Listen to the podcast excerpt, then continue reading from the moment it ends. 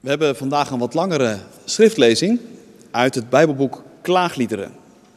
Eigenlijk zijn het drie stukken en ik lees ze samen met Jacob Rink. En tussen die drie stukken speelt Gerrit Christian telkens een kort, een kort stukje van Zweling. Zweling was een Nederlandse componist en die muziek die gaat over een, een oud Nederlands lied, wat eigenlijk weer geïnspireerd is op klaagliederen. Het is een, eh, een oude tekst die gemaakt is naar aanleiding van de moord op Willem van Oranje in 1584. En het begint met de regel: stort tranen uit, schrijt, luide, weent en treurt. Nou, dat is oude taal, maar het spreekt boekdelen. En dat komt dicht bij de woorden van klaagliederen. Het eerste fragment komt uit klaagliederen 1, vers 1 tot en met 9. En daarna klaagliederen 3, eerst vers 1 tot en met 20 en dan vers 21 tot en met 33. Horen wij het woord van God. Ach, hoe eenzaam zit zij neer, de eens zo levendige stad. Een weduwe is ze geworden. Zij die groot was onder de volken, de vorstin van de gewesten, is tot slavernij vervallen. Heel de nacht weent ze, haar tranen zijn nat van tranen. Er is niemand die haar troost, niemand van haar vele minnaars. Geen vriend bleef haar trouw, allen zijn haar vijandig gezind. Juda is verbannen na een tijd van nood en zware onderdrukking. Ze zit neer te midden van de volken, maar vindt geen rust. Haar vervolgers belagen haar, drijven haar in het nauw. De wegen naar Sion treuren. Er zijn geen feestgangers meer. Haar poorten liggen verlaten en haar priesters zuchten. Haar meisjes zijn bedroefd. En zijzelf? Bitter is haar lot. Haar vijanden zijn heer en meester, zo zeker van zichzelf. De Heer heeft haar dit aangedaan om haar vele overtredingen. Haar kinderen zijn gevangen weggevoerd voor de vijand uit. Sion heeft al haar glans verloren. Haar leiders zijn als herten die geen weidegrond meer vinden. Ze zijn gevlucht, van al hun kracht beroofd voor hun vervolgers uit. Jeruzalem denkt ten tijde van haar nood en haar zwervend bestaan aan alle kostbaarheden die ze van ouds bezat. Toen haar volk in handen van de vijand viel, schoot niemand haar te hulp. De vijanden die haar zagen lachten om haar ondergang. Haar zware zonden maakten Jeruzalem tot een voorwerp van spot. Wie haar eerden, verachten haar, nu ze haar naaktheid zien. En zij, ze kreunt en zucht en wendt zich af. Haar onreinheid kleeft aan de zoom van haar kleed. Dit einde had ze niet voorzien. Ontstellend diep is ze gezonken. Er is niemand die haar troost. Heer, zie toch mijn nood. Zie hoe de vijand zich verheft.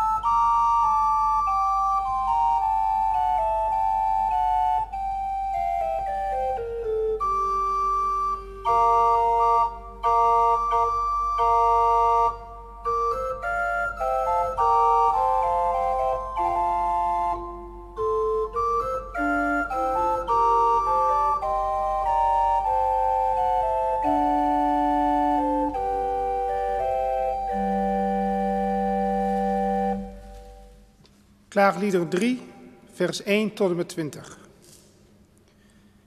Ik ben de mens die te lijden heeft onder de stok van zijn toren. Hij leidt mij en voert mij in een lichtloos duister. Tegen mij heft hij zijn hand op, steeds opnieuw, dag na dag. Mijn vlees en mijn huid doet hij wegteren en al mijn botten breekt hij. Hij sluit mij in en omringt me met gif en tegenspoed. Hij laat me in duisternis wonen als de doden van eeuwen her. Hij trekt een muur rond mij op. Ik kan er niet uit. Zwaar zijn mijn bronzen ketenen. Al schreeuw ik en roep ik om hulp. Hij wil mijn gebed niet horen. Hij verspert mij de weg met rotsblokken. Mijn paden maakt hij krom. Als een beer loert hij op mij, als een leeuw in het verborgene. Hij dringt me opzij. Hij verscheurt me en verwoest mijn leven. Hij spant zijn boog en kiest mij als een doelwit voor zijn pijlen. Hij treft mij in het hart met de pijlen uit zijn koker. Dag na dag moet ik het ontgelden in het spotlied van mijn volk. Hij verzadigt mij met bittere kruiden. Hij geeft me alsem te drinken in overvloed. Hij laat me mijn tanden stuk bijten op stenen. Hij drukt mij neer in het stof. Mijn leven is verstoken van vrede. Geluk is mij vreemd geworden. Steeds denk ik, verdwenen is mijn glans, vervlogen mijn hoop op de Heer. Gedenk mijn nood en mijn zwervend bestaan, de alsem en het gif. Telkens als ik mijn lot overdenk, ben ik diep te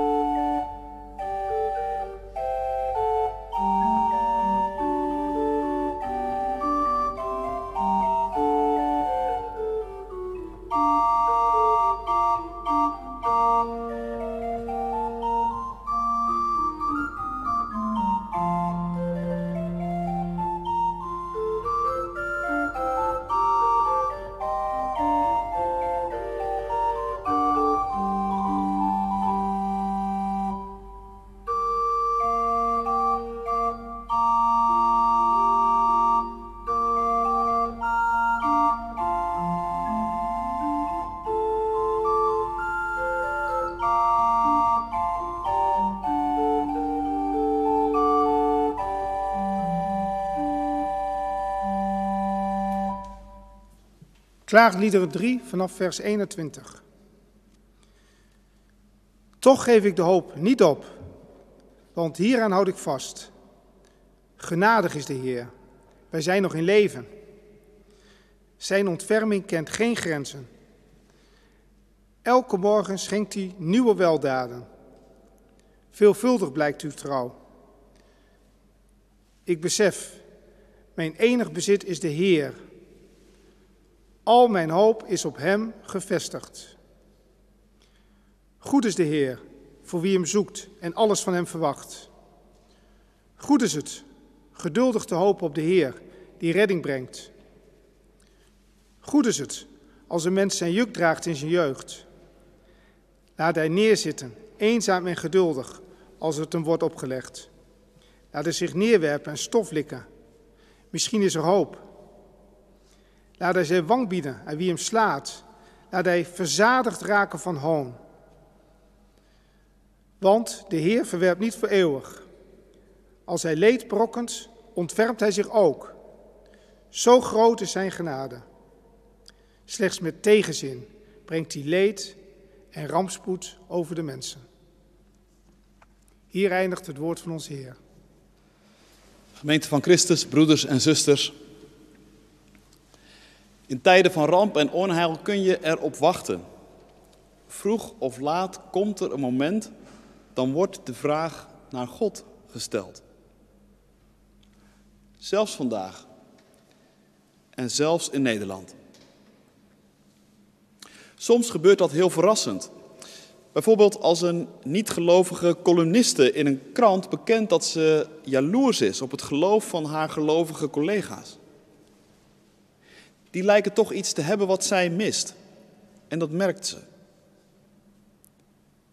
Maar ook de clichés zijn helaas nooit ver weg. Mensen die zich normaal gesproken niet echt heel erg om God lijken te bekommeren, roepen hem nu ineens ter verantwoording. Meestal niet rechtstreeks natuurlijk, maar vaak via mensen die nog in hem geloven en dan het liefst bekende Nederlanders. Waar is die God van jou nu? Waarom doet hij dit? Nou, Zeg het maar. Ja, daar sta je dan. Zeg het maar. Maar wat moet je zeggen? Als je collega's zoiets zouden vragen of je buren. Of als het ook je eigen vraag is. Wie geeft het antwoord? Nou, antwoorden worden er ook wel gegeven, merk ik. Ook wel door mijn collega's. Door dominees, van wie je dat ook in zekere zin zou mogen verwachten, toch?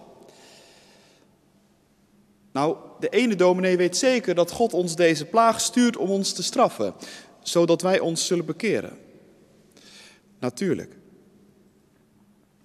De andere dominee weet even zeker dat hier God niets, maar dan ook helemaal niets mee te maken heeft. Natuurlijk. Ik moet je zeggen dat ik me daar nogal verlegen bij voel. Want in alle eerlijkheid, ik weet niet precies wat God hiermee te maken heeft. Ik vind die vraag nogal groot. En het antwoord komt me dan ook meestal te vlot. En veel van die antwoorden die lijken toch ook een beetje te dienen als een bevestiging van, ja, van wat we toch eigenlijk al dachten. Maar toch, om deze vraag heen draaien kunnen we in de kerk ook niet. We zullen er iets mee moeten. Vanmorgen wil ik daarom luisteren. Langzaam en zorgvuldig luisteren naar een stem uit de Bijbel. Het is een, ik zei het al, niet zo vaak gehoorde stem. Ik kan me niet herinneren dat ik er ooit een preek over hoorde. En het is voor het eerst in tien jaar predikantschap dat ik zelf naar deze stem heb geluisterd. Het is de stem van het boek Klaagliederen.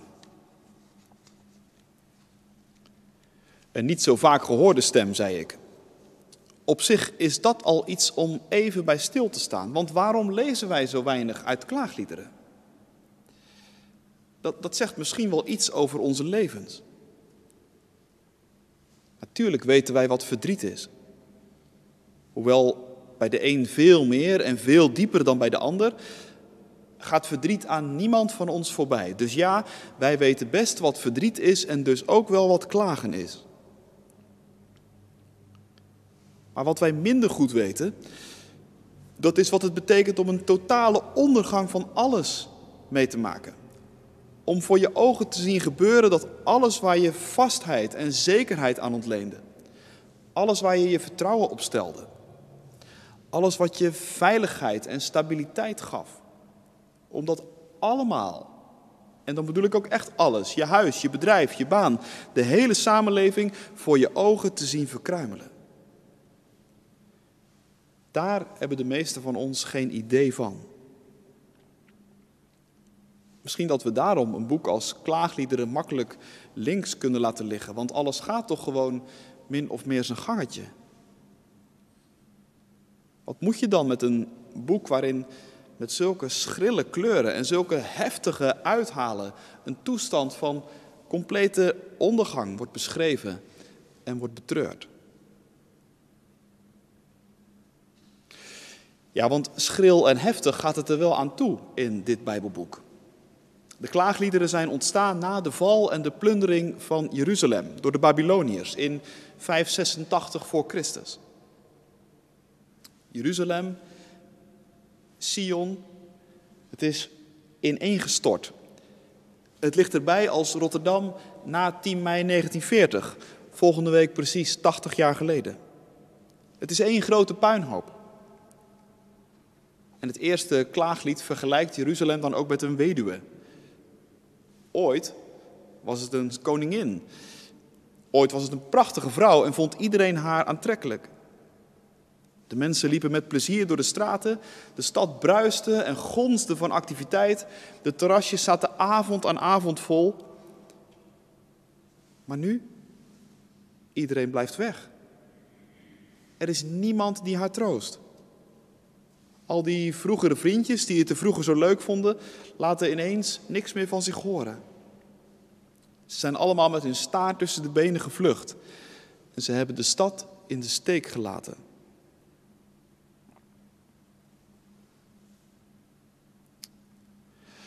Gaat het in het eerste en in het tweede klaaglied vooral over die stad. In het derde klaaglied wordt ingezoomd op de inwoners, op de mensen. Het perspectief wisselt als het ware naar de enkeling. Er stapt iemand naar voren, die pakt de microfoon, kijkt in de camera en zegt: Dit gaat niet alleen maar over stenen, dit gaat ook over mij. Ik heb het allemaal gezien. Ik heb het allemaal meegemaakt. Ik heb het voor mijn ogen zien gebeuren. Ik ben die mens die te lijden heeft.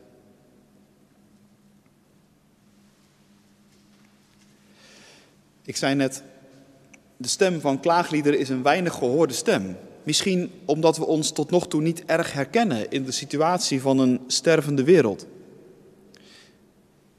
Maar er is nog iets dat klaagliederen voor ons toch tot een weerbarstig en ingewikkeld boek maakt. En dat is denk ik het feit dat de makers van deze liederen één ding heel zeker schijnen te weten. Wat hen overkomt, zeggen ze, dat komt bij God vandaan. Zo schril als die puinhopen van Jeruzalem worden uitgetekend, net zo schril wordt in dat derde lied de eigen situatie in beeld gebracht. Ik zit in het donker. Ik schreeuw om hulp. Het is alsof er een muur rondom mij is opgetrokken. Ik wil weer weg, maar ik kan er niet uit. Mijn leven wordt verscheurd en verwoest. En hoe komt dat? Nou, net zoveel keer als er in dat hoofdstuk ik staat, staat er ook hij. Ik zit in het donker, maar hij heeft mij daar gebracht. Ik schreeuw om hulp omdat hij niet luistert. Er is een muur rondom mij opgetrokken. Ik zit in lockdown, ik kan er niet uit, maar dat heeft hij gedaan. En die hij, dat is dus God.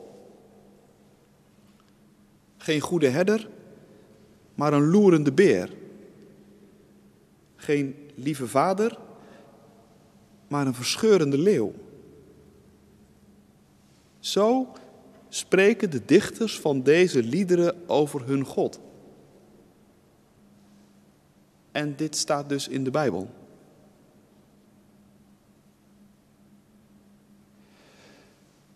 Een vraag. Is dit ook jouw God? Of zeg je, maar hier haak ik af. Als God zo is, dan hoeft het voor mij niet.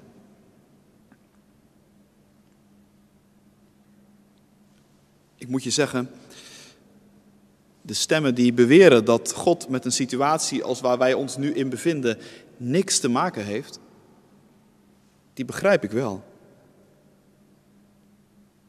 Het zou op een bepaalde manier zoveel makkelijker zijn als God er niets mee te maken zou hebben. Maar toch, uiteindelijk bevredigt het niet. Er blijven te veel vragen over. Waarom zou het op zich al ondenkbaar zijn dat God nog een appeltje met ons te schillen heeft?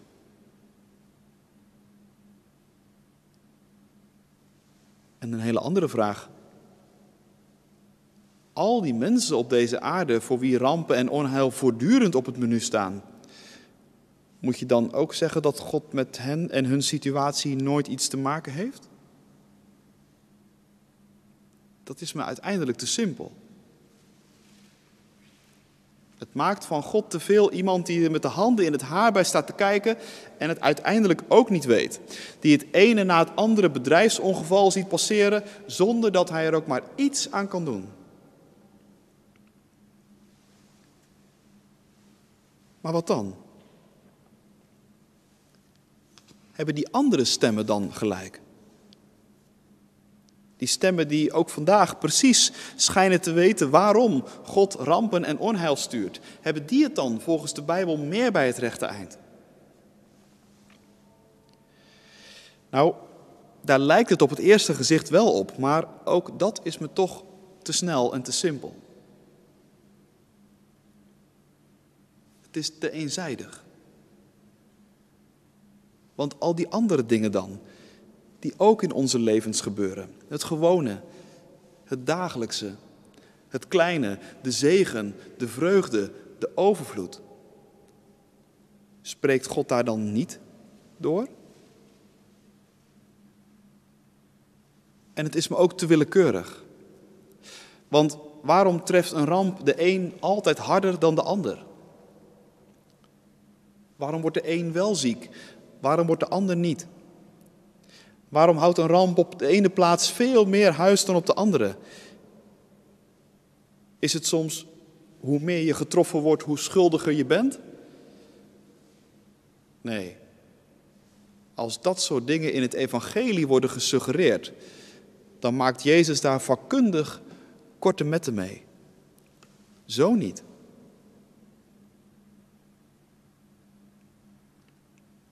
Nou ja, je merkt dus, een antwoord geven op dit soort vragen is zo gemakkelijk nog niet.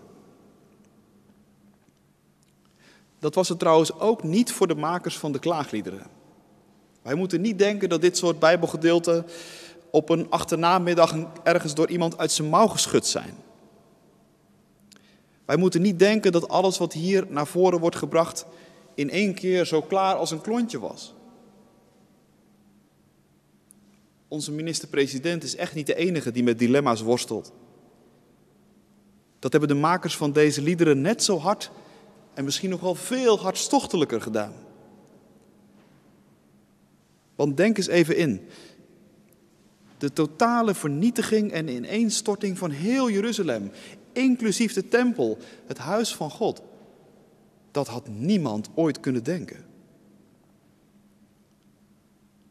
Als je nou ergens safe bent, dacht men, dan toch wel in Gods eigen stad en in Gods eigen tempel. En dat God zijn eigen stad en zijn eigen tempel aan de verwoesting zou prijsgeven. Dat moet voor de makers van deze liederen een absurde gedachte geweest zijn.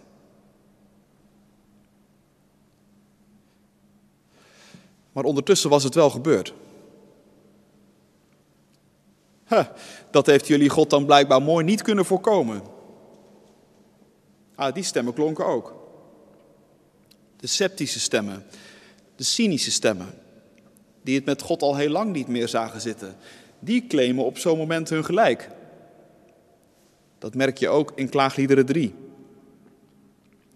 Ik ben voor hen een spotliedje geworden, zegt de maker van dit lied. Ze jennen me de hele dag achterna. Waar is die nou, die God van jou? Nou, je voelt het dilemma. Aan de ene kant, het onvoorstelbare is gebeurd. Gods eigen stad en Gods eigen tempel zijn verwoest. Hoe kan God daar ooit iets mee te maken hebben? Dat is toch onbestaanbaar? Maar aan de andere kant, als God, de machtige schepper van hemel en aarde, er niets mee te maken zou hebben, of als hij dit dus blijkbaar simpelweg niet heeft kunnen voorkomen, wat is hij dan voor een God? Dat is net zo goed onbestaanbaar.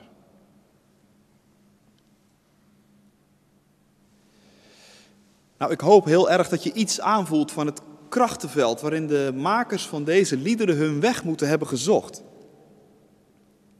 En uiteindelijk, uiteindelijk kiezen ze voor de vlucht naar voren. God moet hier zeker wel mee te maken hebben, zeggen ze. Het kan niet zo zijn dat het niet zo is. En als God hiermee te maken heeft, dan moet dus ook het, het negatieve en het chaotische en de rampen en het onheil op de een of andere manier in zijn hand zijn. Ik zei het net al en ik zet er nog een keer een streep onder. Dit is alles behalve makkelijke praat. Het is geen logische optelsom. Niet iets wat ze van tevoren toch ook al wisten. Dit is geen theologie uit een leunstoel, maar dit is theologie vanaf de puinhopen. En ik denk Misschien moet je ook, voordat je er iets van begrijpt, ook wel iets van puinhopen hebben meegemaakt. Misschien moet je echt Rotterdam hebben zien branden. Misschien moet je een watersnoodramp of een pandemie hebben meegemaakt met een geweldige nasleep. Of moet er in je persoonlijke leven iets van het grote verdriet zijn binnengedrongen? Misschien breken er binnenkort tijden aan dat wij de klaagliederen weer beter gaan begrijpen.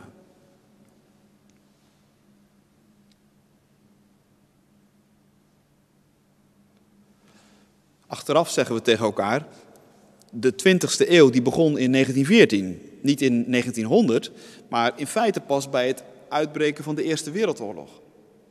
Dat veroorzaakte een grote omslag in het denken en in het voelen en in het beleven van alle dingen.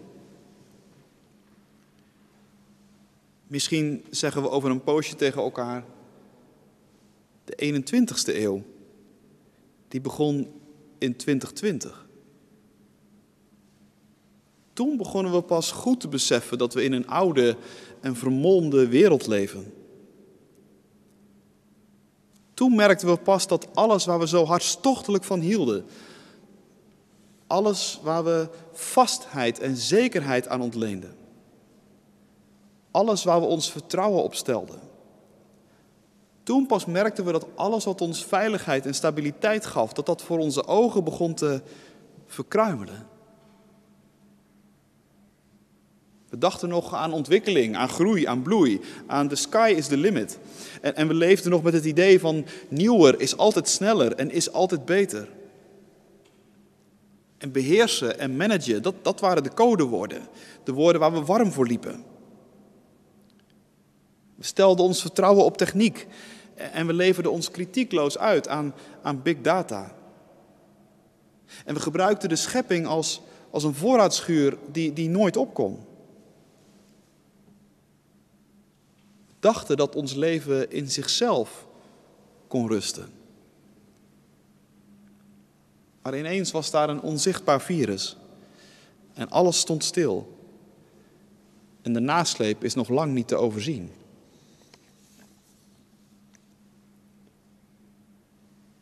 En God? Misschien zeggen we over een poosje tegen elkaar, ook onze beelden van God moesten op de schop. Achteraf gezien hadden we hem helemaal weggedacht uit onze levens en uit ons denken. Hij was degene van wie we af en toe een knuffel en een duimpje verwachten, maar die zich verder beter niet al te veel met ons moest bemoeien. Want het ging ons zonder hem toch ook best aardig af. We hadden voor de Allerhoogste zo een privéplekje gereserveerd in onze privéwereld en we vonden het o zo moeilijk om dag aan dag met Hem te leven. Om onszelf en ook onze kinderen met Hem vertrouwd te maken en Zijn geboden serieus te nemen.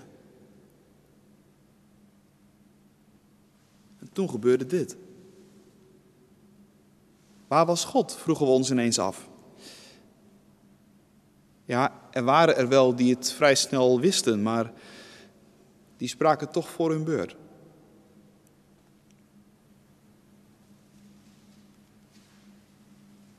En toen was daar ineens die oude stem. Die gebroken stem van lang geleden. Die stem van iemand die het ook had meegemaakt. Die zijn hele wereld voor zijn ogen had zien instorten. En die ook de vraag naar God opnieuw had leren stellen. Hij wist het zeker. God was niet de hij stond erbij en hij keek ernaar. Dat was veel te vlak en veel te makkelijk. God had er op de een of andere manier ook de hand in, zei die oude stem heel beslist. Ook in het moeilijke, ook in het erge. Dat was wel even wennen voor ons, dat waren we een beetje vergeten.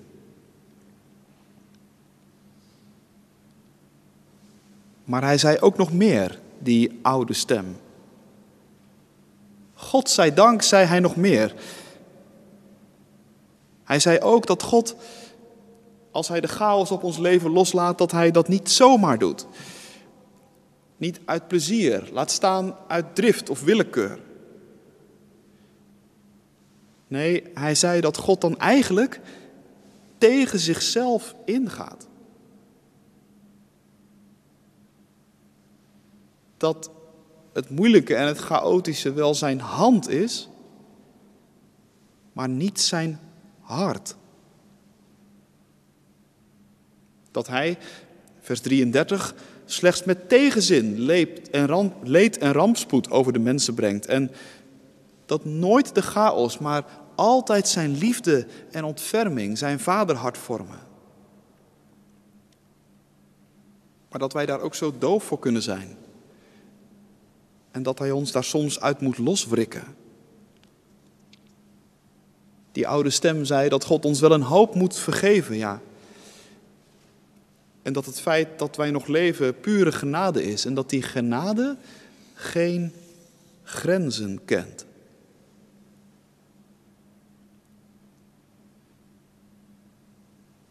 En die dwarse oude stem, die hielp ons uiteindelijk toch verder. Want we herinnerden ons ineens weer dat het Goede Vrijdag geweest is. En, en, en, dat God in Jezus Christus niet op een afstand gebleven is, maar ook zelf in de chaos eraan onderdoor ging. Dat Hij voor ons in de bres sprong. Dat Hij er middenin ging staan. En dat de straf die ons de vrede bracht, zoals een andere oude stem ook eerder zei, op Hem terecht kwam. En dat we daar in Goede Vrijdag en Pasen, dat we daar God wel in zijn hart hebben gekeken. En dat we weten dat Hij leeft. En dat we sindsdien ook weten dat de dood en de chaos en het leed en de rampen niet het laatste woord zullen hebben. Dat God aan onze kant staat. Omdat zijn naam Immanuel is. Ik ben erbij, God met ons. En dat een stervende wereld niet het einde is, maar dat er in het einde een nieuw begin ligt. Dat er een liefde is die sterker is dan de dood. En dat dat de liefde is waarmee God ons lief heeft. Dwars door alles heen. Amen.